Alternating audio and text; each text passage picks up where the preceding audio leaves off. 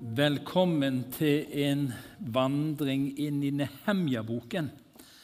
En av de virkelig spennende bøkene i Det gamle testamentet som er uendelig aktuell inn i vår tid og vår situasjon.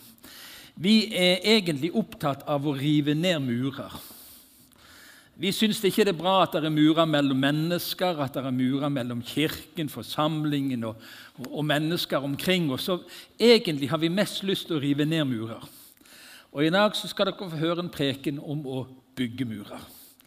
Og Vi skal bygge flere murer, har jeg bedt om og håper vi skal få lov å, å kjenne at Gud i dag hjelper oss og minner oss på og utfordrer oss faktisk til å bygge murer noen viktige murer i våre liv. Vi skal altså til Persia, et verdensrike eh, si, straks helt fra India-grensen og helt bort til Europa, til Hellas, Nord-Afrika. Et svært rike. Vi er i året 445. Israelsfolket har gjennomlevd bortføring, og mange lever ennå i eksil. Dette er rammen som på en måte former de ytre tingene for Nehemja sin bok til oss. Hovedpersonen er Nehemja. Han er munnskjekk hos kong Artaxerxes. Jeg visste det kom til å gå galt. Så det har jeg forberedt meg på, men dere kan lese det. sant? Og så kan dere bare si det sjøl. Er munnskjenk hos kong Ja. Tungetall kom tidlig i denne gudstjenesten i dag. Men eh, glem ordet. Eh, der får han besøk mens han er i borgen i Susa. Så kommer der altså folk fra Juda med nedslående beskjed om hvordan det står til hjemme i Juda. Og De sier ganske enkelt til eh, Nehemja muren rundt Jerusalem er brutt ned. Vi setter ikke så mye tanker til det, for vi bor i fredelige omgivelser. Men i denne tiden var murene det viktigste forsvarsverket når fiendene ville komme. Og da er det krise når murene er revet ned. Det er broren hans sammen med noen andre som er budbærer. og Senere i kapittel 7 så står det at broren Hanani ble altså satt til å styre over Jerusalem sammen med en annen, to personer som var ekstra gudfryktige. Så Vi får et lite glimt inn i familien til Nehemja òg. Han hadde altså flere brødre, og vi får vite navnet på hans far. Nå skal vi lese noen vers fra kapittel 1. Jeg kunne nesten tenkt meg å lese alle 13 kapitlene. Med unntak av et par områder hvor de tar opp disse slektsregistrene og navnene på alle de og tallene på de som har flytta tilbake igjen. Eh, men det er så mye spennende stoff. Så hvis du skal ha deg en skikkelig lektyre til ettermiddag og kveld, les de 13 kapitlene i Nehemjas bok. Og vi leser. Det var i måneden Kislev i det 20. året, mens jeg var i borgen Susa. Da kom Hanani, en av brødrene mine, og noen menn fra Juda. Jeg spurte dem ut om de judeerne som hadde sluppet unna fangenskapet, og om Jerusalem. De svarte, de som har sluppet unna fangenskapet der, er i stor ulykke og vanære. Muren rundt Jerusalem er brutt ned, og portene er brent opp. Da jeg hørte dette, satte jeg meg ned og gråt. Jeg sørget i flere dager. Jeg fastet og ba til himmelens Gud. Jeg sa, Å Herre, himmelens Gud, du store og skremmende Gud som holder pakten og viser kjærlighet mot alle som elsker deg og holder dine bud. La ditt øre lytte og øynene være åpne, så du hører din tjeners bønn, som jeg ber til deg nå, både dag og natt for israelittene, dine tjenere. Jeg bekjenner syndene som vi israelitter har gjort mot deg. Også jeg og mitt fars hus har syndet. Han hører noe, han reagerer, han går i bønn. Han adresserer det ikke til de andre. Jo, folket har synda, men jeg, Gud, og mitt fars hus, Vi har svikta deg, vi har synda. Han identifiserer seg med folket sitt, og han ber og han faster i flere døgn. Dette var livsfarlig for Nehemja. Som munnskjenk så hadde han aldri lov å komme fram for kongen med sorg i ansiktet. Og I kapittel 2 så leser vi jeg tok vinen som sto foran kongen og ga ham. Han hadde aldri før sett meg nedtrykt. Kongen sa til meg, 'Hvorfor ser du så nedtrykt ut? Du er da ikke syk?' Dette kan ikke være annet enn hjertesorg. Det er så mange element i denne Nehemja-boken som utfordrer å ta tak du hører noe, og så lar du det gå forbi. Du hører det, og du slipper inn. Og det farger hele kroppsspråket hans. Når han går fram for kongen med vin, kongen som aldri hadde sett deg nedtrykt, og som kunne ta livet av han på et øyeblikk når han kommer fram med sorg i blikket. Men det som fylte han, var så sterkt at hele kroppsspråket avslørte det. Det kan ikke være noe annet enn hjertesorg en nød som skapte handling, med livet som innsats. Det er bakteppet som vi nå beveger oss inn i. Situasjonen er krevende, men han står fram, og han er klar egentlig til å gi livet sitt. Bare med å møte kongen på den måten som han gjør det. Og Gjennom disse 13 kapitlene så ser vi hva dette handler om. Han skal gjenoppbygge muren. Og bare der er det så spennende ting å lese. Han var jo et organisasjonstalent og et ledertalent av dimensjoner. Hvordan han organiserte gjenreisningen av murene rundt Jerusalem. Her ble folk stilt opp side ved side. Ved siden av ham arbeidet, ved siden av ham arbeidet.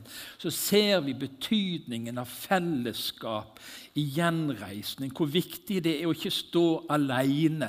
De sto skulder ved skulder der, arbeiderne, og bygde opp bit for bit for muren. Og enda finere er det og spennende å lese om alle de som sto og bygde like ved siden av sitt eget hus. Og Her ligger det så mye profetisk stoff inn i vår tid. Og Vi skal komme tilbake igjen til det, for det er ting som brytes ned òg i våre liv, i våre hjem, i våre nabolag. Og så er det noen som reiser seg opp, og så bygger de muren rett rundt sitt hus, ved sitt hus. Og de står side ved side av andre som bygger og arbeider ved siden av sitt hus eget hus. Han gjenoppretter gudsforholdet. Gjennom eh, bortførelse, for noen var kommet tilbake igjen, muren var revet ned, så, så ble òg det personlige gudslivet ødelagt i folket. Så står det lenger bak i kapittelen at folket sto fram og bekjente sine synder. Esra var der, presten leste opp fra lovboken, og folk kjente ja, Gud, vi har synda. Vi har trådt feil. Og Så kommer Nehemja der, og så hjelper han folket til å gjenreise murene rundt sitt eget gudsliv. Og så gjenoppretter han gudstjenestelivet. De leste opp fra Guds lovbok mens de tolket og forklarte det som ble lest, slik at folk skulle forstå. Og de preikte lenge. Vet du, De preikte en halv dag, og de bekjente synd en halv dag. Så folkens, er dere klar? Utsett middagen, ring hjem og gi beskjed. Halve dagen sto de der og leste fra lovboken, for det var ødelagt, det var brutt ned. Og For at folk skulle få det med seg, så måtte de høre ordet. Og så sto det noen, Én sto og leste, så sto det grupper med ledere og forklarte for folket hva dette betydde. Det er en knakende god bok. Gå hjem og les. Og så møter Nehemja motstand. Flere kapitler så leser vi allerede i kapittel 2. Når han kommer til Jerusalem, så møter motstanderen opp og vil ødelegge. De latterliggjør. Hvis bare en rev trør på denne muren, så kommer alt til å rase. Dere har ikke kompetanse på dette her. Dere må ikke tro at dere er noe. Så angriper de Nehemja og hans medarbeidere. De går på motivene hans. Ja, Du vil bli konge sjøl. Vet kongen at nå er du her for å overta makten? Hva motiv har du? Stiller spørsmål. Og de prøver å distrahere han. Og Denne kjente jeg på traff ekstra spesielt inn i mitt liv og i vår tid. Det er så mange distraksjoner, det er så mye som vil ta vårt fokus. Og Vi leser i kapittel 6 hvordan Nehemja, etter at de fire-fem ganger prøver å få han vekk fra arbeidet, så sier han jeg er opptatt med et stort arbeid. Kan ikke komme. Arbeidet ville stanse hvis jeg forlot det og dro ned til dere. Der er noen som vil distrahere oss òg, som vil få oss vekk fra tjenesten med å bygge Guds rike. Der er så mange andre ting som blir så viktige. og Flere ganger prøvde de for Nehemja til å bryte opp og stikke av fra arbeidet, men sier jeg holder på med et stort arbeid. Det er det samme vi holder på med nå. Vi gjenreiser ikke en fysisk mur men vi er med å bygge Guds rike. Og vi holder på med et stort arbeid, folk. Og har du merka distraksjoner? Har du merka noe som distraherer deg? Som prøver å dra deg vekk ifra det, flytte fokus fra det viktigste til mange viktige ting. Broder Andreas, som starta organisasjonen Åpne dører, som vi i dag ga kollekten til. Og du kan fortsette å gi i dagene som kommer, bare så du er klar over det. Han sier når du skal utføre et arbeid for Gud, vil du alltid møte motstand. Hvis du absolutt ikke møter motstand, tror jeg du burde begynne å bli engstelig. Han har skrevet en liten kommentar til Nehemja-boken som heter 'Gjenreis muren'. Og Han sier at for, fullt, for forfulgte kristne mennesker, for mennesker opp gjennom historien i krig og forfølgelse, så har Nehemja-boken vært en av de viktigste bøkene i Bibelen. De gjenkjenner sitt liv i Nehemja-boken. Opplever du motstand? Det er helt naturlig for en kristen å kjenne på motstand. Og La oss lese. For vår kamp er ikke mot kjøtt og blod. Og dette er viktig. Stopp der litt. Vi kjemper aldri mot mennesker. Mennesker er vi satt til å elske. Og de som oppfører seg og sier og mener alt imot det vi tenker, er rett og galt. Vi ikke, kjemper ikke mot mennesker. Vi er for mennesker. Fordi Gud elsker alle mennesker. Gud elsker hver eneste skapning i denne verden, uansett hvordan de lever, uansett hva de tenker, uansett hva de mener, uansett hvordan de oppfører seg. Vi kjemper ikke mot mennesker, men mot, men mot makter, og åndskrefter, mot verdens hersker i dette mørket, mot ondskapens ånde her i himmelrommet. Dette er ikke ofte vi snakker om på Fredheim. Men vi har altså motstand fra tankebygninger, fra ideologier, fra åndskrefter som prøver å forstyrre oss, som prøver å forvirre oss, som prøver å få oss til å miste motet. Den kampen pågår hele tiden i våre liv og i menigheten sitt liv. Kampen er ikke mot menneskene. Vi er for menneskene. Vi må av og til argumentere sammen med mennesker og mot ting som de sier. Det er ikke det det handler om. Men det er noen som leverer tankegods. Det er noen som reagerer, det er noen som agerer på en sånn måte at våre liv blir hemma, krevende. Eh, og det er en ondskapens hær i himmelrommet, skriver Paulus til efeserne. Og Nå skal vi gå inn på det som er på en måte, Hvordan kan vi anvende inn i våre liv? Vi kunne ha tatt med oss så mange ting fra Nehemja-boken. Men er det murer i våre liv som trenger å gjenreises? Vi har nå hatt 23 måneder, stemmer det, med koronatiltak. Norge stengte ned. For veldig mange har livsvilkårene blitt endra på måter som har vært krevende. Noen ganske få syns det har vært helt herlig å være nedstengt og være innelukka. Men veldig, veldig, veldig mange har opplevd det som en krevende tid.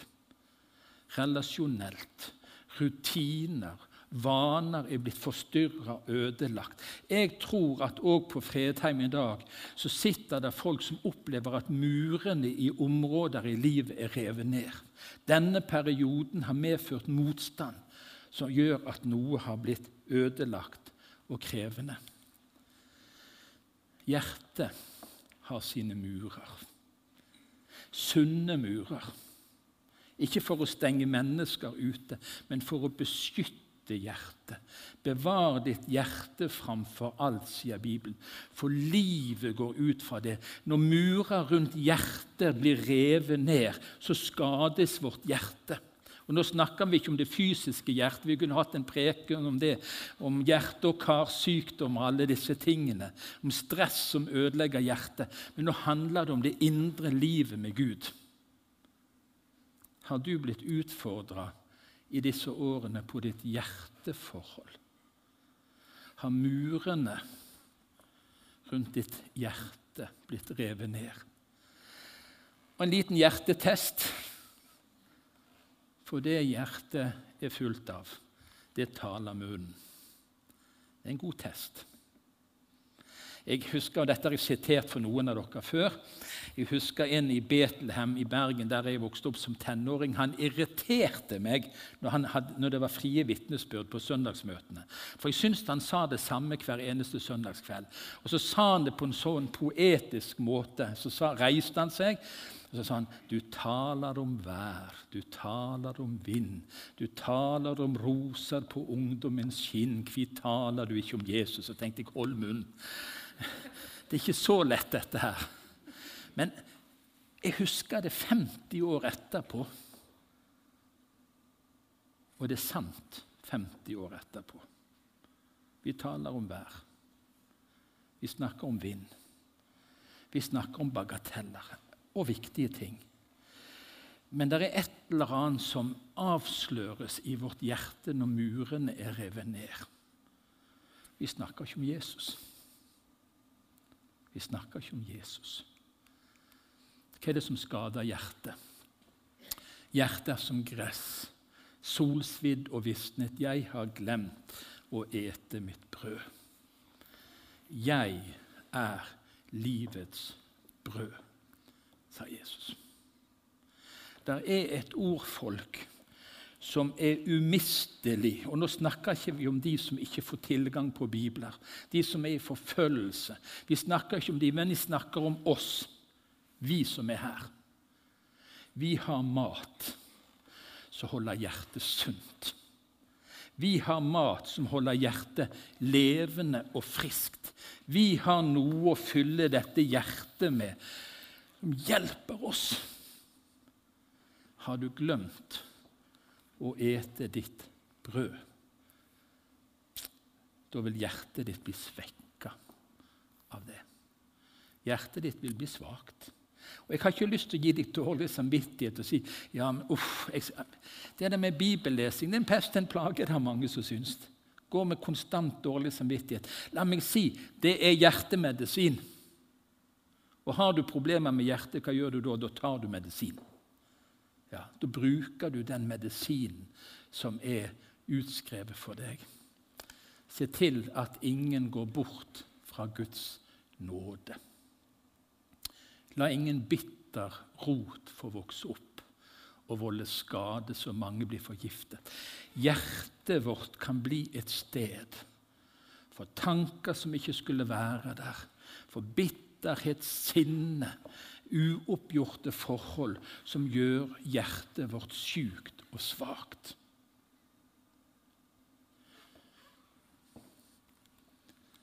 Så lenge jeg tidde, skriver David, ble mine knokler tæret bort mens jeg stønna hele dagen. Det er ikke kjekt å stønne hele dagen.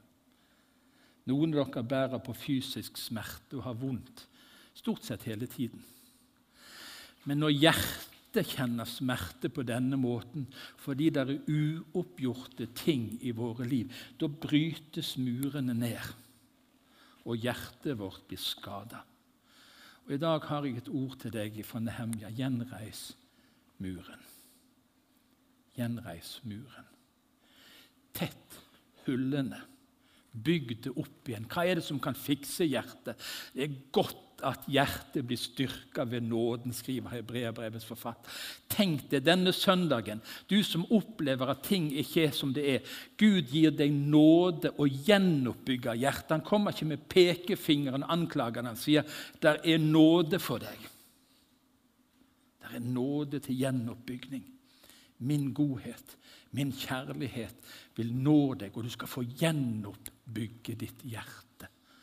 Bli sterke i Herren, i Hans veldige kraft. Ta på Guds fulle rustning. Bygg muren opp igjen. Og I dag hadde jeg planer for denne gudstjenesten. Hadde jeg fått det til, så hadde her lagt fullt av steiner, hulter til bulter. Det hadde vært mureskeier. Men jeg fikk ikke tak i steinene. Jeg har ringt og jeg har spurt. Så, for at vi skulle se det. Gjenoppbygg muren. Ta på Guds fulle rustning, så dere kan stå dere mot djevelens listige angrep. Gjør dette i bønn. De som var på bønnemøte, ble minnet om et ord fra 1. Tessalonika-brev. Gled dere alltid. Be uten opphold. Takk under alle forhold. For dette er Guds vilje for dere i Kristus Jesus. Utslukk ikke ånden, forakt ikke profetord. Det går an å gjenoppbygge hjertefolk. Det går an å få en sunn hjerte, et sunt hjerte. Murer kan gjenoppbygges i våre liv. Hjemmet vårt. Men synes dere ikke om å tjene Herren, sier Josva så velg i dag hvem dere vil tjene.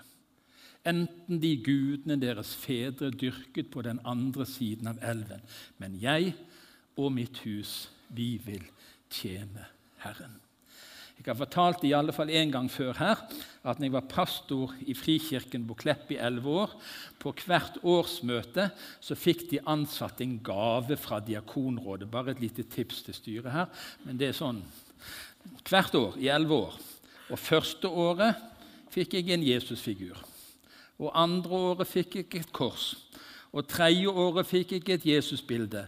Og Fjerde året tror jeg jeg fikk en Jesusfigur igjen, enda større. Jeg har en følelse av at de mente at jeg trengte noe Jesus inn i livet mitt. Og Etter fem-seks år så sa jeg det. Kan jeg slippe å få alle de der Gi meg en CD eller en bok. For jeg tror de tenkte at pastoren trenger å vise hjemme at det hører Herren til. Og Jeg vet ikke hvordan du har det om du kommer inn i huset ditt, om hyllene står fulle av Jesusfigurer, og på veggene er det bare Jesusbilder. Jeg kan innrømme at en del av de tingene jeg fikk, står et annet sted. Det er et eller annet. Men hva preger hjemmet ditt? Hva fyller hjemmet ditt?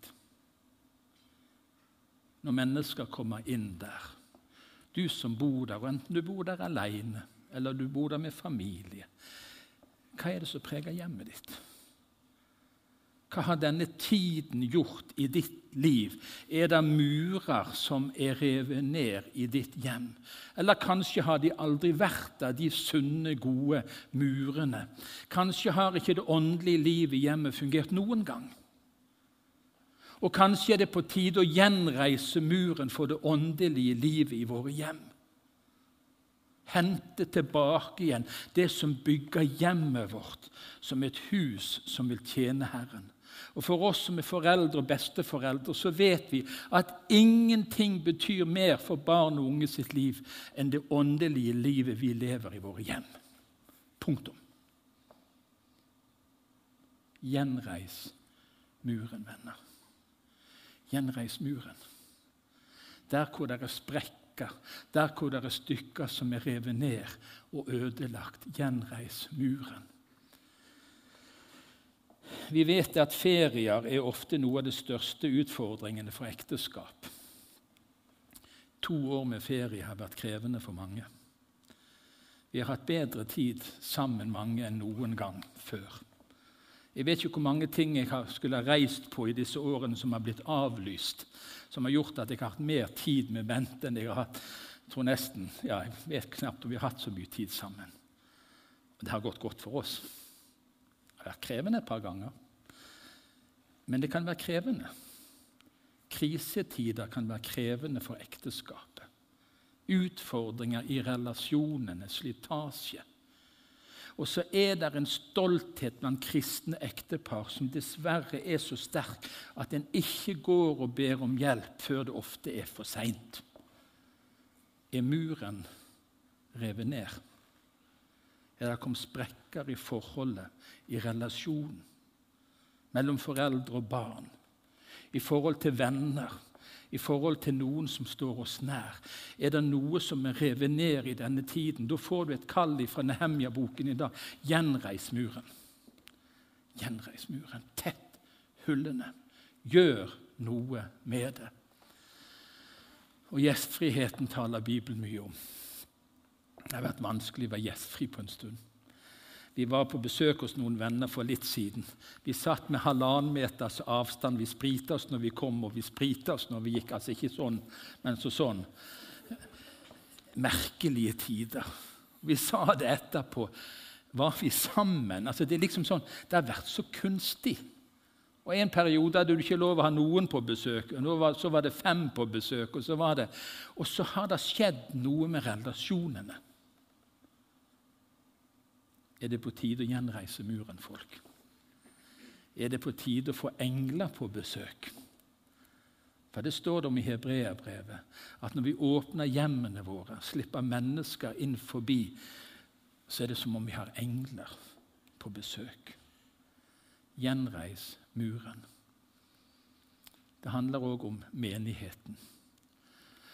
Og dette ordet skulle, Nå skal dere få det ordet som er her. sant? Og så er det mange som skulle hatt det ordet. Og la oss ikke holde oss borte når vår menighet samles, som noen har for vane, vil si uvane. La oss heller oppmuntre hverandre. Og det er så mye mer som dere ser at dagen nærmer seg. Vi er skapt til fellesskap. Vi er skapt til menighet. Vi er skapt for å leve i Guds rike i en stor, utvida familie, hvor det er mindre grupper, større grupper, menighetsfellesskap, hvor vi hører til, og hvor vi er savna når vi ikke er der. Fordi når vi ikke er der, så mangler det noen i familien. Og Bibelen sier det så tydelig vi skal ikke holde oss vekke. Det er noen som har den uvanen at når menigheten samles, så er de ikke der. Og dette sier jeg til dere som er her. sant? Og noen av dere er veldig så trofaste. Dere har hørt det før. Ja, men det, ja, Ikke begynn å se deg omkring nå. sant? Vær grei. Men Bibelen er så tydelig på at vi trenger hverandre, folk. Vi trenger hverandre. Vi trenger fellesskapet. Vi trenger lovsangen og tilbedelsen.